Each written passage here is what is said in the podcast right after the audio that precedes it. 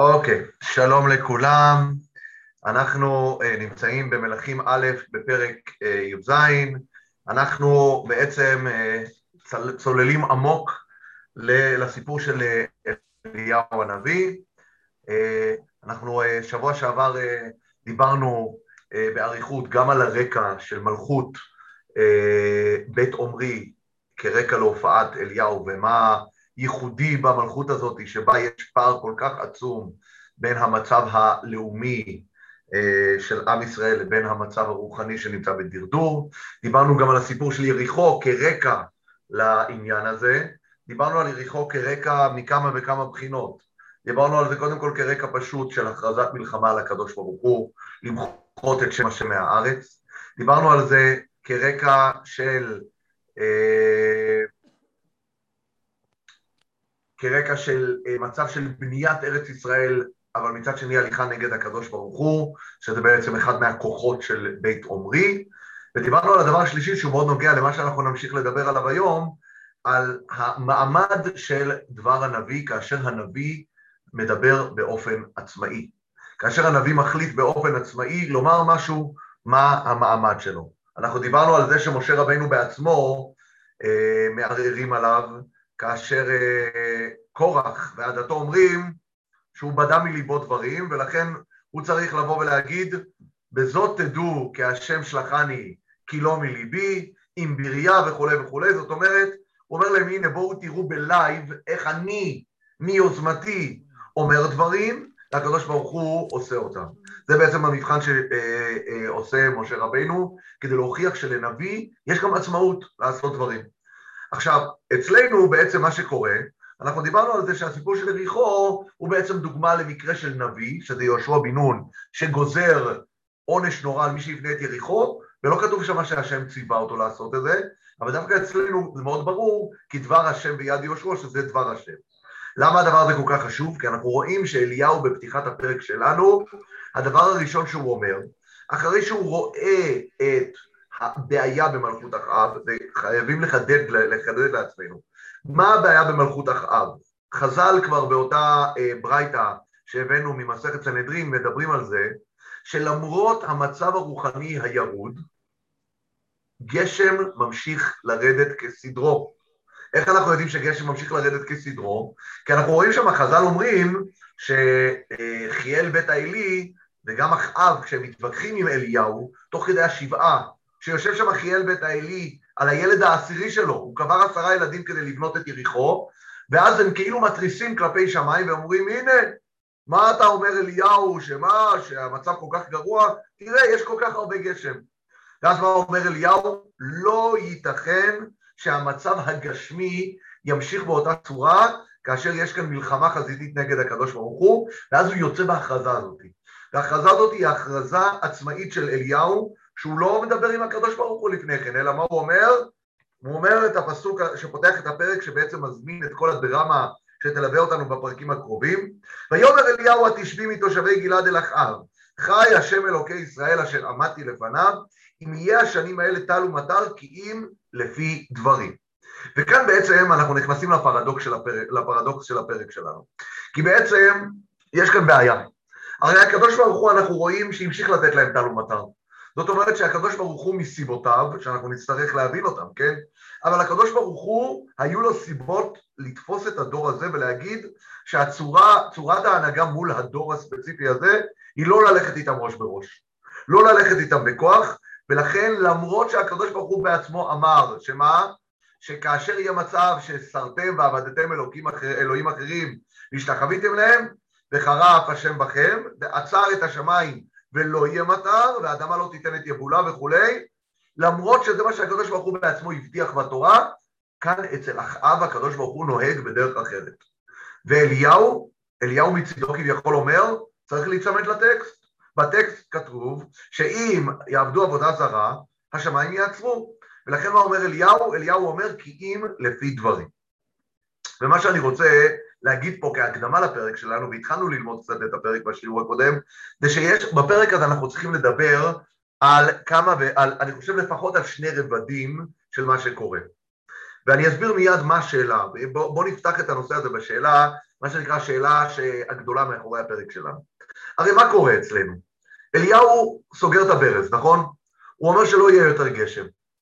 אנחנו נקרא בפרק י"ח כשנגיע שאחאב מחפש אותו בכל העולם. מה הוא כותב לו אחאב? ועובדיה מצטט את זה. עובדיה אומר שמה? הוא אומר חי השם אלוקיך אם יש גוי וממלכה אשר לא שלח אדוני שם לבקשך ואמרו אין. זאת אומרת, גם אחאב מבין שהפתרון לבצורת זה למצוא את אליהו ולהכריח אותו לפתוח את הברז, נכון? אבל מה? בינתיים מה קורה בארץ ישראל?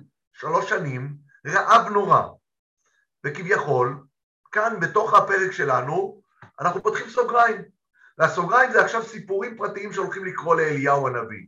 בהתחלה בנחל כרית, אחרי זה נלמד שהוא הולך לצרפת, לאישה האלמנה, ויש שם את הנס של כד הקמח, וצפחת השמן, אחר כך הוא מחיה את הבן של האישה. בסוף פרק שלם, עם ישראל כולו סובל, גובע ברעב ובצמא, ובינתיים הנביא לא מספר לנו מה קורה שם, הנביא מפנה את הזרקור שלו לאליהו ומתמקד בו, וכאן השאלה הגדולה היא למה הסיפור נעצר ברצף שלו ופתאום מתחיל להתמקד רק באליהו. אז יש שיגידו שיכול להיות שזה עצמו הרצף הסיפורי, דהיינו על מנת שאליהו יוכל, אה, נוכל למצוא, אה, הסיבה שהם לא מוצאים את אליהו, כי אליהו מסתתר, איפה הוא מסתתר? בהתחלה בנחל כרית, ואחר כך בצרפת אשר לצידון. זאת אומרת, כל הפרק שלנו הוא רקע לפרק י"ח, שבו עובדיה, וגם אחאב מספר שאחאב מחפש אותך בכל מקום, אז בפרק שלנו הוא מספר איפה אליהו היה בינתיים. זה לפי המשך, זה לפי המשך של הגמרא בסנהדרין. מה זה? זה לפי לא ההמשך של ה... עכשיו אתה שומע? כן. זה לפי המשך הגמרא בסנהדרין. למה הסיפורים האלה באו? נכון, אבל אני שואל, אני שואל כאן שאלה.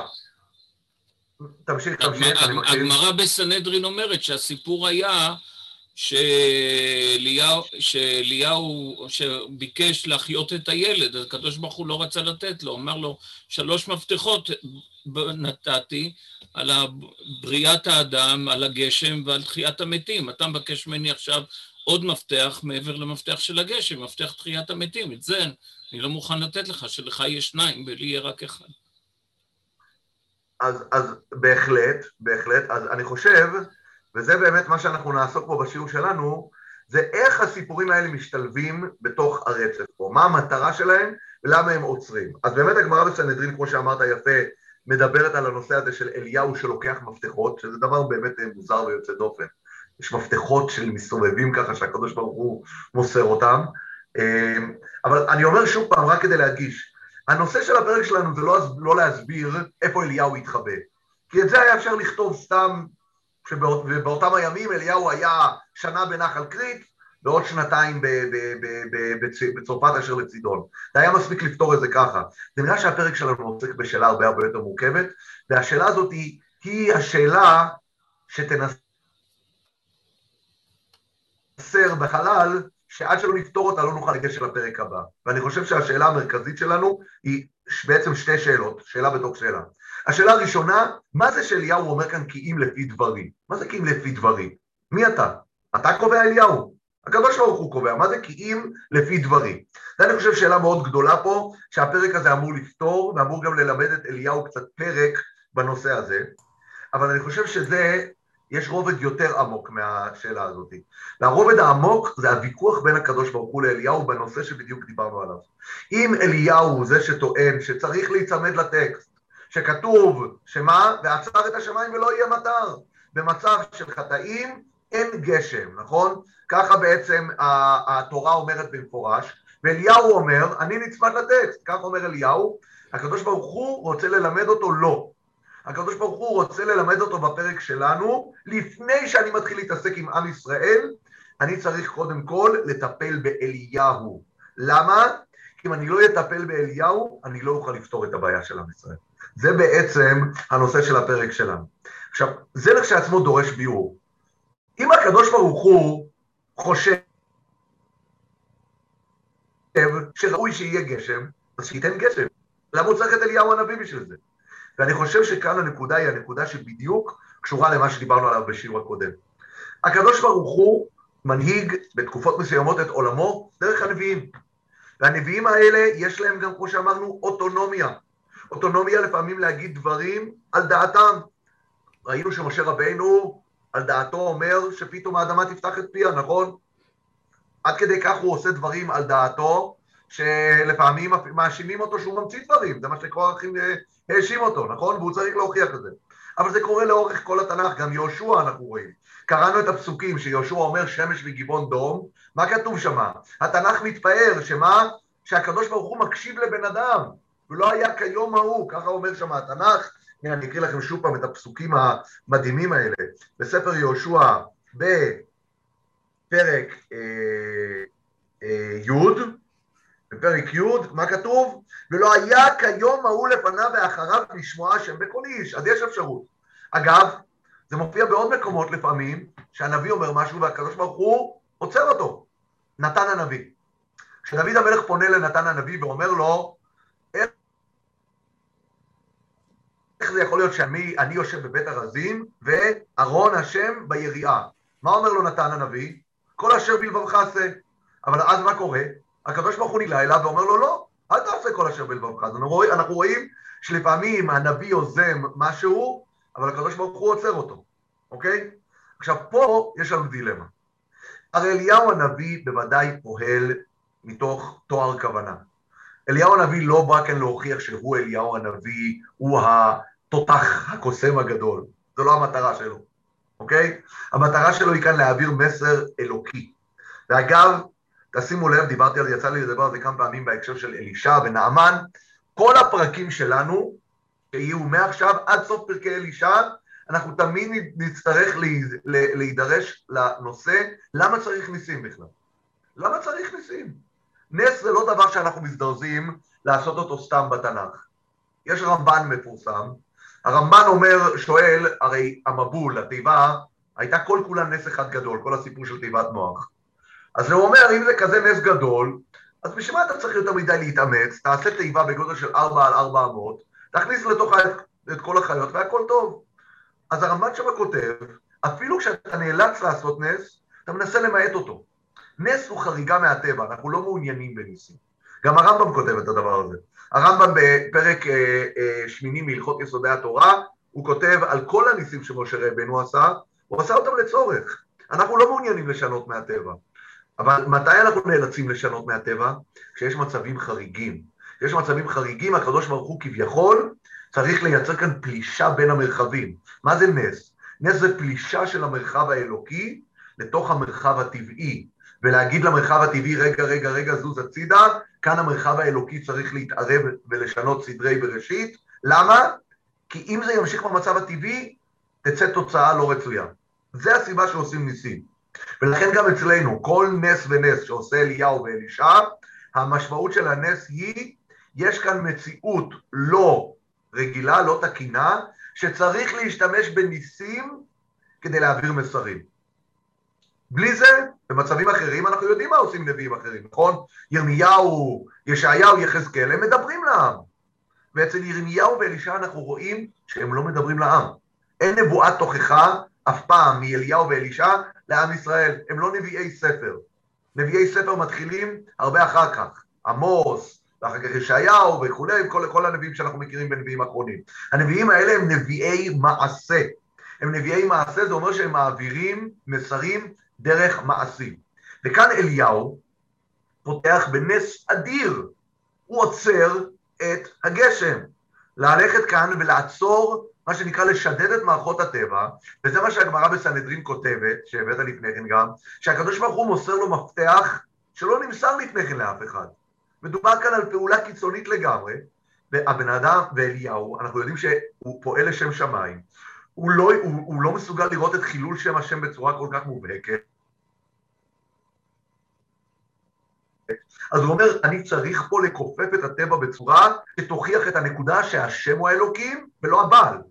כי יש כאן כרגע ממלכה שדוחפת את אלוהי הבעל לכל מקום, ואני אהיה חייב לעשות פעולות קיצוניות להוכיח שהבעל הוא האלוהים. עד שאנחנו נגיע כמובן לשיא, איפה זה יהיה? בדרבי הגדול. בין הקדוש ברוך הוא לבעל, איפה בהר הכרמל, במאבק, במפגש העצום הזה, יחיד מסוגו בתנ"ך שממש מציבים ראש בראש אלוהים מול אלוהים לראות מי ינצח, כן? כי אליהו מבין שנדרשת כאן התערבות אלוקית ניסית לעשות את זה. ולכן כאן הקדוש ברוך הוא בדילמה. הקדוש ברוך הוא אנחנו יודעים שלא רצה לעצור את הגשם. הנה עובדה שעד שאליהו דיבר, הגשם לא עצר. ועוד יותר מזה, הגמרא בסנהדרין אומרת שכשאחאב אומר לאליהו, הנה, יש גשם. אם יש גשם, זה אומר שהקדוש ברוך הוא רוצה לתת גשם. אלא מה? אליהו הנביא הכריז שהחילול השם כזה, אני אומר לך, כך אומר אליהו, לא יהיה גשם יותר. הקדוש ברוך הוא חייב להקשיב לאליהו. חייב להקשיב לאליהו, למה? כי אליהו פועל כאן בתואר כוונות, והוא פועל כדי לקדש את שם השם בסיטואציה הזאת, אבל מה? הקדוש ברוך הוא לא יוכל לעקוף אותו. לכאורה אנחנו יכולים להגיד, אם הקדוש ברוך הוא רוצה שיהיה גשם, שייתן גשם. לא ולא, מה פתאום? אגב, אנחנו לומדים מזה גם קצת משהו, מי שמבין קצת בהיררכיה ארגונית, בייעוץ ארגוני, יודע שגם כשמנהל טוב שלך מתחתיך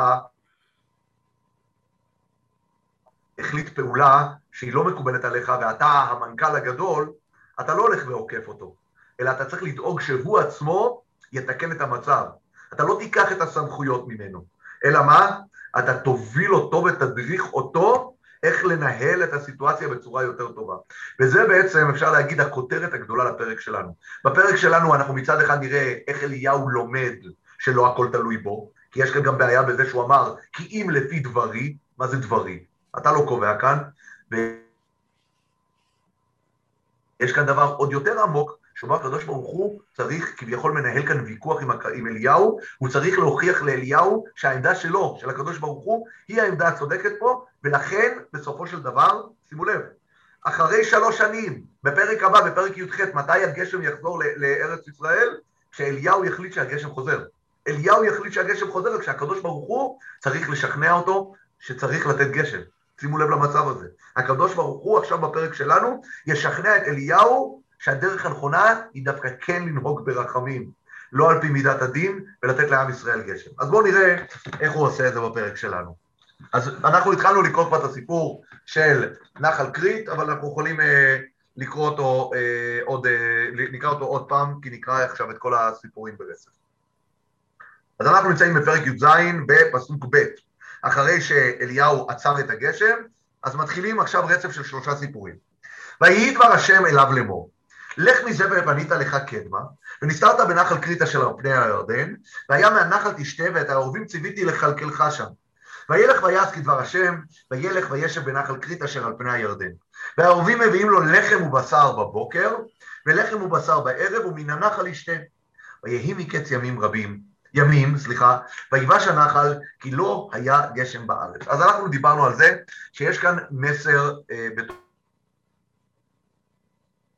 כמה וכמה מסרים בתוך הסיפור הזה, מסרים שנועדו לאליהו. אמרנו, המסר הראשון קודם כל, שאליהו נזוף. אומרים לו, לך מזה. לך מזה, הכוונה היא, תסתלק, אל תהיה פה. זה שהוא הולך למקום שנקרא נחל כרית, הכוונה היא זה מקום שיש בו כרת, אמרנו זה גם מקום נסתר כל כך, שאי אפשר למצוא אותו. עובדה שחיפשו אותו בכל גוי, בכל ממלכה, ולא מצאו אותו, הוא היה במקום שאף אחד לא חלם לחפש, כי אנשים לא יכולים אה, לשרוד שם. אנחנו רואים שהוא מקבל מים ועורבים שמביאים לו לחם ובשר. אנחנו דיברנו על זה שהעורבים בעצמם זה דבר, דבר יוצא דופן שעורב נותן לחם והוא לא מאכיל את הילדים שלו. נכון, נכון, נותן לי בהמה לחמה, לבני עורב אשר יקראו, חז"ל מדברים על זה. שבן אדם, חז"ל, חז"ל אומרים משפט מאוד קשה, שתלמיד חכם צריך להיות אכזרי על בניו כעורב. שהוא כאילו מתנתק והוא לא דואג לילדים, הוא שקוע ומגדל את עצמו, ככה כתוב על הדבר, אה, משפטים כאלה. עורב הוא הדוגמה להורה אכזר. וכאן, הקדוש ברוך הוא לא סתם שולח את העורבים האלה להכיל את אליהו, הוא כביכול בא ואומר, תראה מי דואג לך. מי שדואג לך זה אותם עורבים שאפילו לילדים שלהם לא, דואג, לא דואגים, פתאום הם אלה שמאכילים אותך. דהיינו, אתה רעב, מגיע לך משהו, אני אדאג, תראה כמה הרחמים שלי גדולים של הקדוש ברוך הוא, שאפילו הבריות הכי אכזריות צריכות, הופכות לרחמניות אה, עבורך, אוקיי? אבל גם, עצם ההופעה של האהובים מולו, המפגש של היומיומי, היומיומי שלו מול חיות אכזריות, שאפילו הן יכולות להשתנות ולהאכיל מישהו, זה כביכול הקדוש ברוך הוא מעביר לו מסר, אליהו, גם אתה צריך לחשוב שיש כאן הרבה אנשים רעבים וצמאים, ואתה צריך לדאוג להם. אם אפילו העורב האכזר יכול לדאוג לך, על אחת כמה וכמה שאתה תדאג לאחרים. עכשיו שימו לב מה הוא אוכל. מה הוא אוכל פה? אנחנו דיברנו על זה. הוא אוכל לחם ובשר. לחם ובשר זה ממש מה שעם ישראל מקבל במדבר מהשמיים, אוכל מהשמיים. לחם ובשר, ותת השם לכם לח, אה, אה, בשר לאכול בלילה ולחם בבוקר, ככה כתוב בפסוק. וכאילו הקדוש ברוך הוא בא ואומר לו כאן, אתה במדבר, כמו שישראל היה במדבר, אתה אוכל לחם ובשר מהשמיים, יש לך תלות מוחלטת בי. מה זה שאתה אמרת, אמרת עד עכשיו, כי אם לפי דברי, לפי דברי, אתה תלוי לגמרי בקדוש ברוך הוא, אתה תלמד את זה שאתה תלוי לגמרי בקדוש ברוך הוא, וכל מזלותיו, כל המזלות שלך אה, עליו. ויש כאן עוד, אני חושב עוד נקודה, והיא נקודה אה, עמוקה, אני חושב, ברובד הפסיכולוגי. מה אליהו אוכל פה? אוכל לחם ובשר. עם ישראל, תשימו לב, כולו גובע ברעב, ויושב כאן הנביא שסגר להם את הברז, כן? והוא בעצמו אוכל מאכלות של פינוקים. הוא אוכל מאכלות של פינוקים עכשיו, זה כביכול הקדוש ברוך הוא אומר לו, אתה, עם ישראל כולו יסבול, אתה עכשיו תשב, תהנה, זה קצת, אני יכול להגיד קצת, הקדוש ברוך הוא עושה לו כמו שאימא פולניה טובה עושה לילדים שלה. בוא בוא בוא, תאכל, תהנה, תפריס עכשיו. תאכל ממש בגשמק, ותחשוב על זה שבזמן הזה שאתה אוכל ונהנה, כל עם ישראל סובל. תחשבו איזה מסר זה מעביר לאליהו הנביא, שכשהקדוש ברוך הוא מעביר אותו את התהליך הזה, שהוא יושב שם, ועצם הנתק, הנתק, אליהו מנותק מכל מה שקורה, הוא יושב לבד, כביכול הקדוש ברוך הוא אומר לו, אתה לא מעורב עם מה שקורה, אתה לא מחובר למציאות של מה שקורה, עם ישראל כולם סובלים, ואתה נמצא באיזושהי בועה מנותקת. כל הדברים האלה צריכים להעביר לו את המסרים קודם כל, של להיות מעורב עם הבריות, של להרגיש את הכאב שלהם. הקדוש ברוך הוא לא נותן לו להרגיש את הכאב של עם ישראל. הוא אומר לו, אתה לא מחובר להם, ולכן בזמן שהם סובלים, אתה נהנה. הקדוש ברוך הוא לוקח את הבריות הכי אכזריות, והופך אותן לבריות שמפרנסות אותך, כדי להראות לך שאפילו אתה, אתה במצבים, אתה יותר אכזרי מהם. אפילו הבריאה הכי אכזרית בטבע, מבחינת תזונה לילדים, מאכילה את הילדים, ש... מאכילה אותך, ואתה לא דואג לתזונה לעם ישראל. אבל הוא, הוא היה שם רק בגלל שהקדוש ברוך הוא ציווה לו ללכת לשם. נכון. אם הוא, אם הוא היה יושב... קוראים לזה סדרת חינוך. לא, אבל אם הוא אומר לו, זה שאת... מה זה? אם הוא היה יושב בתוך העם והיה רואה את המצב, אולי הוא היה מתפלל לקדוש ברוך הוא um, להפסיק um, את um, עצירת הגשמים. יכול להיות, אבל אני חושב שזה באמת התהליך שכתוב לנו פה, ואנחנו נראה שבמהלך הפרק שלנו, וגם במהלך הפרק הבא, אליהו יצטרך ללמוד איך להרגיש מה שקורה גם במציאות. זה מה שקרה בהמשך, בהמשך נכון. הנחל יבש. או יפה. עכשיו, זה בדיוק מה, ש... בדיוק מה שאמרת, באמת, בשלב הבא, הנחל עצמו מתייבש, ואז מה קורה? הוא פתאום באותה צרה של כולם. כאן, שימו לב שהנחל מתייבש, זה לא, אה, דווקא הנושא של המים כאן הוא לא נושא כל כך ניסי, ההפך, הקדוש ברוך הוא בכוונה מאכיל אותו על ידי העורבים בצורה ניסית, אבל עדיין משאיר לו את הנחל, שהנחל הזה הוא נחל שזורם באופן טבעי. ולמה הנחל מתייבש בסוף? הוא מתייבש כי באמת יש אה, אה, מה שנקרא, יש אה, בצורת. כי בכל הקדוש ברוך הוא משאיר לו איזה חיבור למציאות דרך המים, והמים האלה מהווים לו סימן, הנה, אליהו, גם אתה לא תוכל לברוח מהגורל של עם ישראל. הגורל, כמה שתנסה להיסתר ולהתנתק ולהיות במקומות רחוקים, הגורל של עם ישראל ירדוף גם אחריך. בואו נמשיך אה, לסיפור הבא.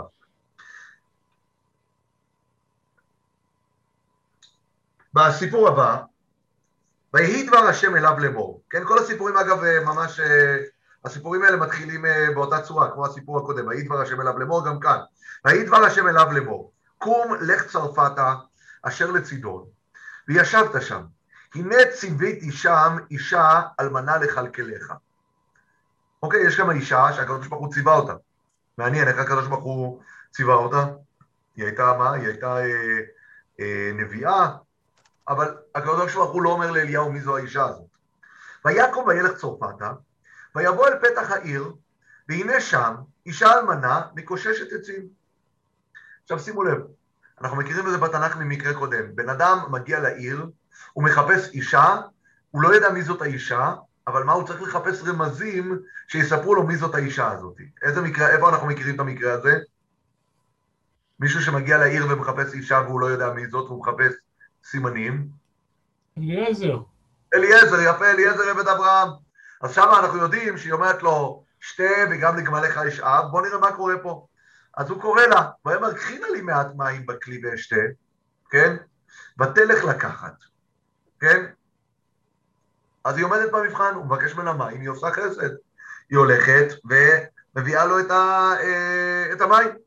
הוא מחליט לבחון אותה עוד קצת. ויקרא אליה, ויאמר לקחי נא לי פת לחם בידך. הוא אומר, לא רק מים, אני רוצה גם אה, לחם. לחם זה דבר יותר נדיר ממים, נכון? יותר קשה. עכשיו, מה קורה?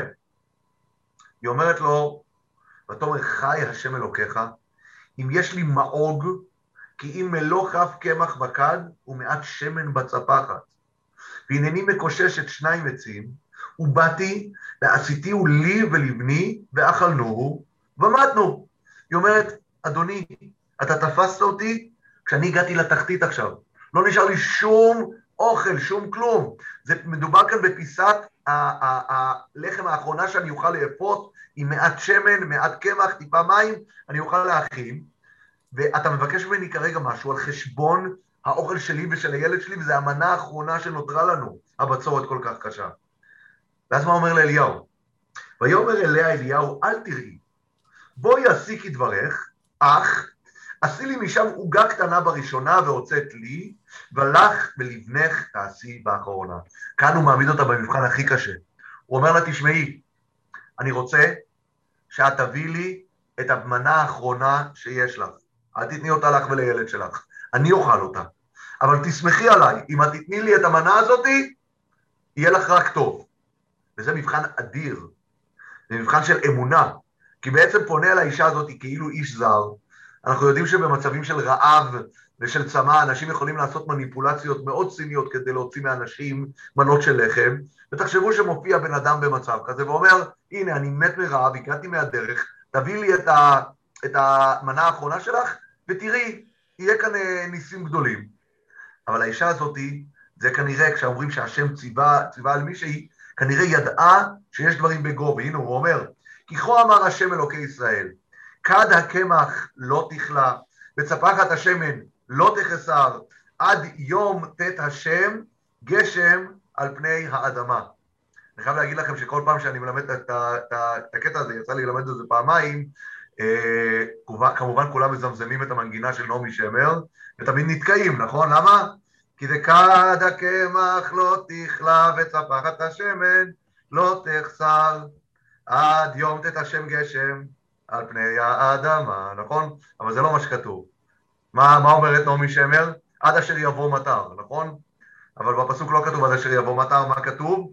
עד יום ט' השם גשם על פני האדמה, זה הבדל משמעותי פה, במיוחד כשאנחנו יודעים שאחד מהניסיונות כאן הגדולים ומה שרוצים ללמד את אליהו זה שאחרי שאתה אמרת כי אם על פי דברי, הקדוש ברוך הוא בסופו של דבר צריך להסביר לאליהו זה לא, לא על פי דברך, גם אני כאן אה, קובע, כן? אז כאן אנחנו רואים שאליהו כבר למד משהו, הוא לא אומר כי אם על פי דברי, הוא אומר עד יום ט' השם גשם על פני האדמה, הוא כבר מתחיל ללמוד, הקדוש ברוך הוא נותן את הגשם, נכון? שימו לב, אבל האישה ברוך השם עומדת בניסיון, ותלך ותעשה כדבר אליהו, ותאכל היא והוא וביתה ימים. ימים אמרנו שוב פעם זה שנה, כד הקמח לא חלתה, וצפחת השמן לא חסר, כדבר השם אשר דיבר ביד אליהו, אוקיי? עכשיו, ה, שימו לב גם עוד נקודה שיש לנו כאן, שבסופו של דבר ה, יש כאן איזושהי הדרגה, הדרגה ועלייה, כן? כי הרי בנס הראשון אנחנו רואים שמה? שאליהו לא צריך לעשות שום דבר. בנחל, בנחל כרית כשהוא יושב, אליהו יושב והכל מגיע אליו, נכון? מה קורה? העורבים מביאים לו לחם, המים אה, אה, זורמים עליו, כן? הוא מה שנקרא אה, במלון חמש כוכבים. אבל כשהוא מגיע לכד השמן, לכד הקמח והשמן, זה כבר אה, מה שנקרא בניגוד לחוקי הטבע בצורה חזיתית. כי אגב, גם הנס של העורבים, תיאורטית, יכול להיות שהעורבים האלה הולכים ומביאים את הבשר ואת המים מכל, ואת הלחם מכל מיני מקומות שהם מוצאים, כן? אבל זה לא, אין כאן משהו שהוא מנוגד בהווייתו לטבע, זה מעשה פלאי, זה מופלא שהעורבים חוזרים יום יום ומביאים לו את האוכל הזה, אבל כאן ממש משנים את הטבע, פשוט הקמח וה, וה, וה, והשמן מתרבים אה, אה, כל הזמן, זה ממש פעולה שמניגוד אה, אה, אה, לטבע, אבל יש כאן גם עוד נקודה, שאליהו צריך בעצמו ליזום את הנס ולעשות אותו. זה לא שהוא הולך ויושב והאוכל והמים מגיעים אליו.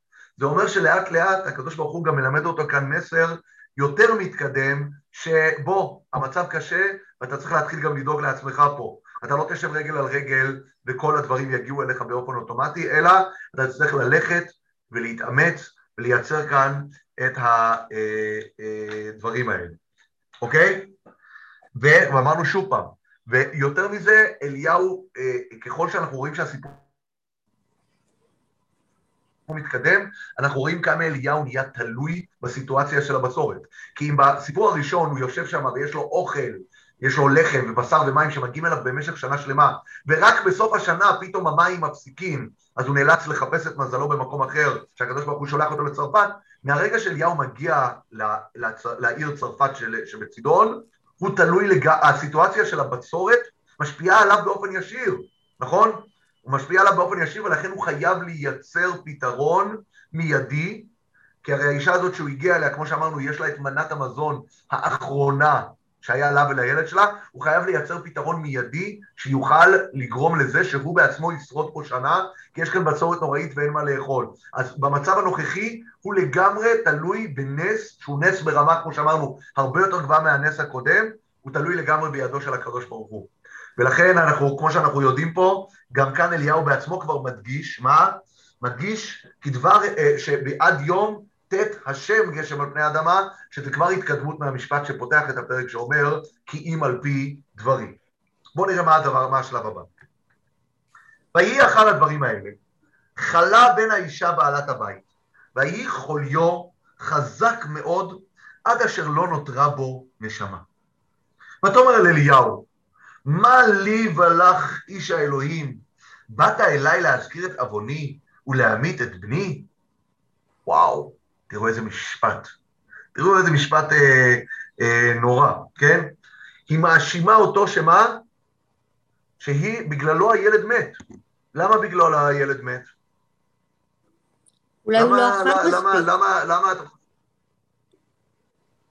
את אומרת שהוא לא אכל מספיק כי אליהו נגס לו, אבל לכאורה היה כן. כאן, אנחנו מדברים כאן אחרי הנס, נכון? זה אחר הדברים, תראי, אני, אני אגיד לך איפה הצדק בדברייך, כי המשפט שפותח את, הפ... את הקטע הזה זה ויהי אחר הדברים האלה. ויהי אחר הדברים האלה בדרך כלל אומר שיש קשר וחיבור בין הדברים. השאלה היא מה הקשר בין מה שקרה בסיפור הקודם לבין מה שקורה בסיפור הזה. אז את אומרת על פי הפשט, הילד לא היה לו מספיק אוכל, קיבל מחלה ומת. אבל לכאורה אנחנו יודעים שכד הקמח לא קלה וצפחת השמן לא חסר, אז לכאורה היה לו מה לאכול. כאן זה נראה שהיא אומרת כי באת אליי להזכיר את עווני. מה הפירוש להזכיר את עווני? יש כאן אני חושב שנקודה שהיא היא, היא מלווה את אליהו בכל מקום. אליהו כמו שאמרנו הוא איש מידת הדין. הוא איש שדורש שדברים יעשו ככתבם וכלשונם. הרי מה ההבדל בין מידת הדין למידת הרחמים? מידת הדין אומרת, גזר הדין צריך להתבצע ככתבו על פי, ה- ה- על פי החוק, מה שהחוק היבש אומר. מידת הרחמים, המציאות שלה, האמירה שלה זה התחשבות במציאות. ואנחנו יודעים שהוויכוח פה בין הקדוש ברוך הוא לבין אליהו, זה האם ללכת על פי מידת הדין או על פי מידת הרחמים פה, נכון? וכאן אליהו, שהוא איש מידת הדין, כשאליהו מגיע לפה, הוא מביא איתו את מידת הדין. ולכן אומרת האישה, להזכיר את עווני, מה זה להזכיר את עווני? כנראה שהיה לה איזשהו עוון, אבל למי אין עוון? אבל היא אומרת, ברגע שאתה נמצא פה בשטח, אתה בעצמך מייצר מצב שאיפה שאתה נמצא, נדרשת מידת הדין לפעול, ולכן אתה מזכיר את עווני. כי הרי מה, מה אנחנו אומרים בתפילת ראש השנה, במידת הרחמים, כן? שמידת הרחמים תעלה לפני הקדוש ברוך הוא, ועוונותינו לא ייספרו לפניו, נכון? זה מה שאנחנו מבקשים. הקדוש ברוך הוא תסתכל על התמונה הכוללת, תביט לאהבה שלך, תזכור את זכות אבות, את הברית, את השבועה, את החסד, ותתעלם מהעבירה הספציפית, אבל מידת הדין זועקת כל הזמן, תסתכל על העבירה. וזה מה שהיא אומרת, אתה, עצם זה שאתה נמצא פה, באת אליי להזכיר את עווני, להמית את בני. ואגב, זה דבר שאנחנו נראה שכמעט כל מקום שאליהו נמצא, הוא זורע הרס, נכון? אנחנו רואים שהפעולה הראשונה שאליהו עושה זה עצירת גשמים. אחרי זה הוא מגיע לנחל, הנחל מתייבש, כן? הוא מגיע לפה, הוא, הוא, הוא מגיע לפה, הילד מת. בהמשך אנחנו נראה מה קורה, נשרפים נביאי הבעל, נשרפים השליחים של המלך שבאים לקחת אותו. אליהו זה כמו איזשהו, אה, הוא זורע הרס בכל מקום שהוא נמצא. כי למה? כי הוא סוחב איתו את מידת הדין. הוא סוחב איתו, וזה מידה של אליהו, דרישה נוקבת לאמת ככתבה וכלשונה. והאמת ככתבה וכלשונה היא נוקבת והיא כואבת. היא כואבת. אנחנו מכירים את המאבק האדיר בין אמת לבין שלום. אמת תמיד דורשת שדברים יתבצעו ככתבם, ולכן היא אומרת כאן שבאת אליה להזכיר את עווני ולהמית את בני. שימו לב מה קורה עכשיו. ויאמר אליה, תני לי את בנך, ויקחהו מחיקה, ויעלהו אל העלייה אשר הוא יושב שם, וישכיבהו על מיטתו. ויקרא אל השם, ויאמר, השם אלוקיי, הגם על האלמנה אשר אני מתגורר עמה הראותה להמית את בנה? וואו. כביכול, מה זה הגם? הגם ולא רק על מי?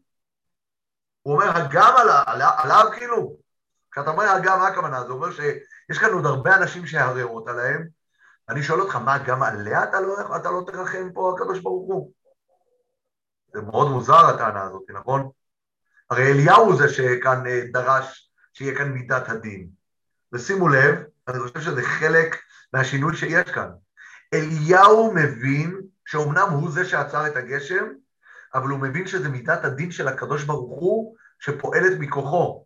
כי הוא נציג של הקדוש ברוך הוא פה בעולם, והוא בא ואמר שיש מידת הדין של הקדוש ברוך הוא, שעל פי מידת הדין הגשם חייב להיעצר, ומידת הדין היא מידה אמיתית, היא מידה נכונה, היא מידה שפועלת. הקדוש ברוך הוא, הרי אנחנו יודעים, כל אומר הקדוש ברוך הוא, ותרן יוותרו מאב. כשיש מידת הדין, מידת הדין היא לא, היא, היא דבר אמיתי. אלא מה? ולכן אליהו, גם כשהוא עוצר את הגשם, הוא יודע שזו פעולה שמגיעה מהקדוש ברוך הוא. רק שאליהו כאן, כמו שאומר, הוא מייצג פן מסוים בהנהגה של הקדוש ברוך הוא בעולם. פן קטגורי מאוד, פן שדורש שייקוב הדין את ההר. אבל הוא אומר כאן, אמיתת הדין הזאת, לא ייתכן שהיא תפגע בילד הזה. וכאן באמת אני חושב שיש כאן איזושהי אה, אה, טענה, שעצם זה שאליהו בעצמו מסוגל לטעון לרחמים, זה כבר שינוי מדהים. זה שינוי מדהים. כי לכאורה, על פי מידת הדין, הילד הזה מת, למה? כי היה כאן עוון, הרי אף אחד לא אומר שלא היה כאן עוון.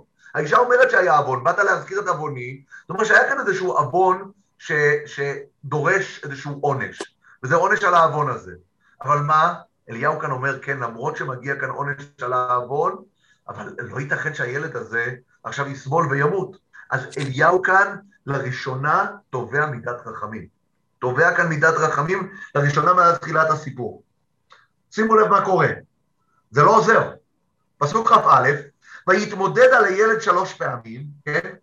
ויקרא אל השם ויאמר השם אלוקיי, תשובנה נפש הילד הזה על קרבו.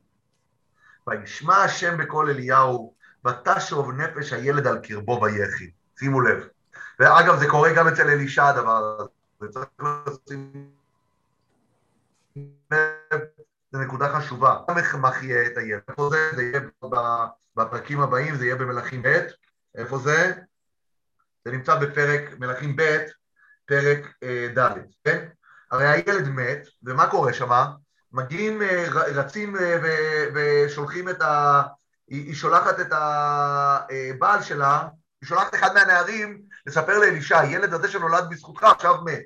מה הוא עושה אלישע, כן? הוא לוקח את המשענת שלו, נותן אותה לגחזי שיניח אותה לילד, והמשענת שלו תחיה אותה, וזה לא עובד. ואז מה קורה?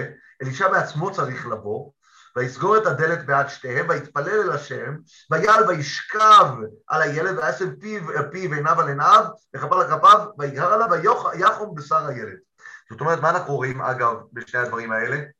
החיה הראשונה בתור, החיה הראשונה בתנ"ך. זה החיה הראשונה בתנ"ך. נכון. ויגר פיו על פיו, פיו על פיו, כאן לא כתוב. כתוב ויתמודד, ויתמודד אומרים שזה כאילו ממש מידה כנגד מידה. כן, שם כתוב, נכון, שם כתוב פיו, שם כתוב פיו על פיו, נכון. נכון, נכון, אבל הנקודה פה היא שבשתי המקרים האלה, בפעם הראשונה ילד לא חוזר לחיים, למה? בפעם הראשונה הוא לא מתפלל. אלישע, בא ומניח את המשענת על הילד, אנחנו יודעים, בדיוק דיברנו על זה היום, כמה זה ניסיון בסיפורים שלנו להראות שכל הניסים האלה מגיעים מהקדוש ברוך הוא. וסתם להניח משענת על ילד, זה נראה הוקוס פוקוס, זה נראה מעשה קוסמות, נכון? אלא מה? אלישע שם מבין שעד שהוא לא יבוא בעצמו ויתפלל, הילד לא יחזור לחיים. אותו דבר גם פה. בהתחלה, מה אומר אליהו? הוא, הוא מטיח דברים כלפי מעלה, הוא אומר, ויקרא אל השם ויאמר, השם אלוקיי, גם על האלמנה אשר אני מתגורר עמה הריאות להמית את בנה? יש לו טענה, לא ייתכן. ואז באמת לא קורה כלום, אבל מה קורה? ויתמודד על הילד שלוש פעמים, ויקרא אל השם, ויאמר השם אלוקיי, תשובנה נפש הילד הזה על קרבו, תשובנה. הוא כבר מתפלל ומבקש, ואז זה כבר קורה. ושימו לב, מה הוא לומד פה פעם? ממשיכים ללמוד את המסר. קודם כל, שצריך מידת רחמים, שהכל תלוי בקדוש ברוך הוא. ושימו לב מה, את הסיומת של הפרק. ויקח אליהו את הילד, ויורידו מן העלייה הביתה, ויתנהו לאמו. ויאמר אליהו, ראי, חי בנך. כן? תראי, הוא, אני גם יכול לתאר לכם את התחושה של אליהו, וואו, הילד הזה חזר לחיים. הוא כאילו פתאום מבין את העוצמה בלתת חיים. לתת חיים זה משהו עוצמתי, וזו חוויה שאליהו חייב לעבור אותה, ועד עכשיו, מה הוא עושה אליהו? הוא זורע מוות. ופתאום אליהו מבין מה זה המציאות הזאתי, שפתאום החיים ניתנים. ובואו נראה מה קורה. ותאמר האישה אל אליהו, שימו לב איזה משפט זה. אתה זה ידעתי, כי איש אלוהים אתה, ודבר השם בפיך אמת. תראו מה זה. האישה הזאת שנה שלמה, יש לה נס. היא מקבלת קמח ושמן, ממש בידו הפתוחה של הקדוש ברוך הוא, ועד עכשיו היא לא יודעת. עכשיו היא יודעת שאיש אלוהים אתה, ודבר השם בפיך אמת. מה אנחנו למדים מפה? אני חושב שאולי המילים האחרונות כאן שהרגע קראנו, הם הסיומת הכי טובה לכל הפרק שלנו. הרי מה המילים, של, מה המילים שפותחות את הפרק? כי אם על פי דברי. כאן מה המילים שמסיימות את הפרק? ודבר השם בפיך אמת. זאת אומרת, המעבר בפרק שלנו זה מהמצב של על פי דברי, שזה כביכול אתה אליהו כאן שולט ומנהל את העניינים, התשובה היא שלא. המסר הוא קודם כל שמה? שדבר השם בפיך אמת. אבל אני חושב שיש כאן גם עוד נקודה, וזו הנקודה שאנחנו למדים פה, שאליהו למד בפרק שלנו קודם כל. כשאתה, קודם כל, מה זה לחוש על בשרך בעצמך את הגורל של עם ישראל, כאשר אנחנו רואים, כן, דיברנו על הנושא של ההדרגתיות כאן בניסים, הרי הנס האחרון הוא נס ברמה הרבה יותר גבוהה מהניסים שקודמים לו, של החייאת מתים, פעם ראשונה שקורה דבר כזה. לא ראינו בתנ"ך עד היום מישהו שחזר לחיים. זה הפעם הראשונה שדבר כזה קורה. אחר כך אנחנו נראה זה עוד אצל אלישע, יש אחר כך את החזון העצמות, שזו שאלה גדולה, האם הם באמת חזרו לחיים, או שזה רק בחזון שלו, זה מחלוקת בגמרא, כן? אבל אה, אה, מה שאנחנו רואים פה, זה ששוב פעם חזרנו לנקודת המוצא שמה? שבנס האחרון אליהו יוזם את הנס שוב פעם. חזרנו למה שהיה בהתחלה שבו אליהו יוזם, אבל שימו מה לב מה אליהו יוזם. אם בתחילת התהליך אליהו יזם מה? יזם עצירת גשמים שהיא זורעת הרס וחורבן, אז בסוף הפרק מה אליהו עושה? אליהו יוזם החייאת מתים.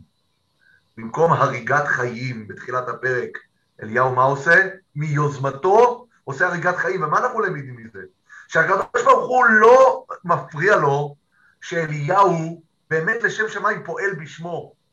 רק אומר, תפעל בשמי את מידת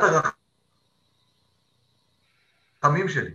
תפעל בשם שלי. ואני חושב שיש כאן גם עוד נקודה, ובזה אנחנו אה, נסיים, שכשהיא אומרת בסוף, אתה זה ידעתי כי יש אלוהים אתה, ודבר השם בפיך אמת, זה חוזר למה שאנחנו דיברנו, שגם אליהו וגם אלישע, הם כל הזמן צריכים להעביר מסרים, שמה? שיש נביא בישראל. אליהו בעצמו, מתי הוא, באחת הפעולות האחרונות שלו, שהוא רואה שאחזיה, הבן של אחאב, חולה, והולך לדרוש באלוהי בעל זבוב, אז הוא אומר, הוא אומר לו, המבלי אין אלוהים בישראל, כי אתה הולך לדרוש באלוהי בעל זבוב? וגם אלישע, אלישע עם נעמן, הוא גורם למלך ישראל להזמין את נעמן, שר צבא ארם, לבוא ולהתרפא אצלו וידעו כי יש נביא בישראל. למה? כי אחד מהתפקידים הגדולים של אליהו ואלישע, בתור נביאים שהם, כמו שאמרנו, הם לא נביאי ספר, אלא הם נביאי פעולה, זה להנכיח שהקדוש ברוך הוא פועל בעולם. ולכן כאן היא אומרת לו, אתה זה ידעתי כי אש אלוהים אתה, ודבר השם בפיך האמת, אליהו נשלח כדי שידעו שיש נוכחות אלוקית בעולם, ואצלנו יותר מזה, כדי שידעו שיש נוכחות אלוקית אוהבת ומרחמת בעולם, ולא נוכחות אלוקית שזורעת הרס וחורבן. בפרק הבא בעזרת השם, וזה יהיה בשבוע הבא, אנחנו נלמד איך כל הסדרת חינוך הזאת שאליהו עובר בפרק שלנו, איך הוא הולך ליישם אותה מהעולם הפרטי שלו, להעביר אותה לכלל ישראל, אבל על זאת ועוד בעזרת השם בשיעור הבא.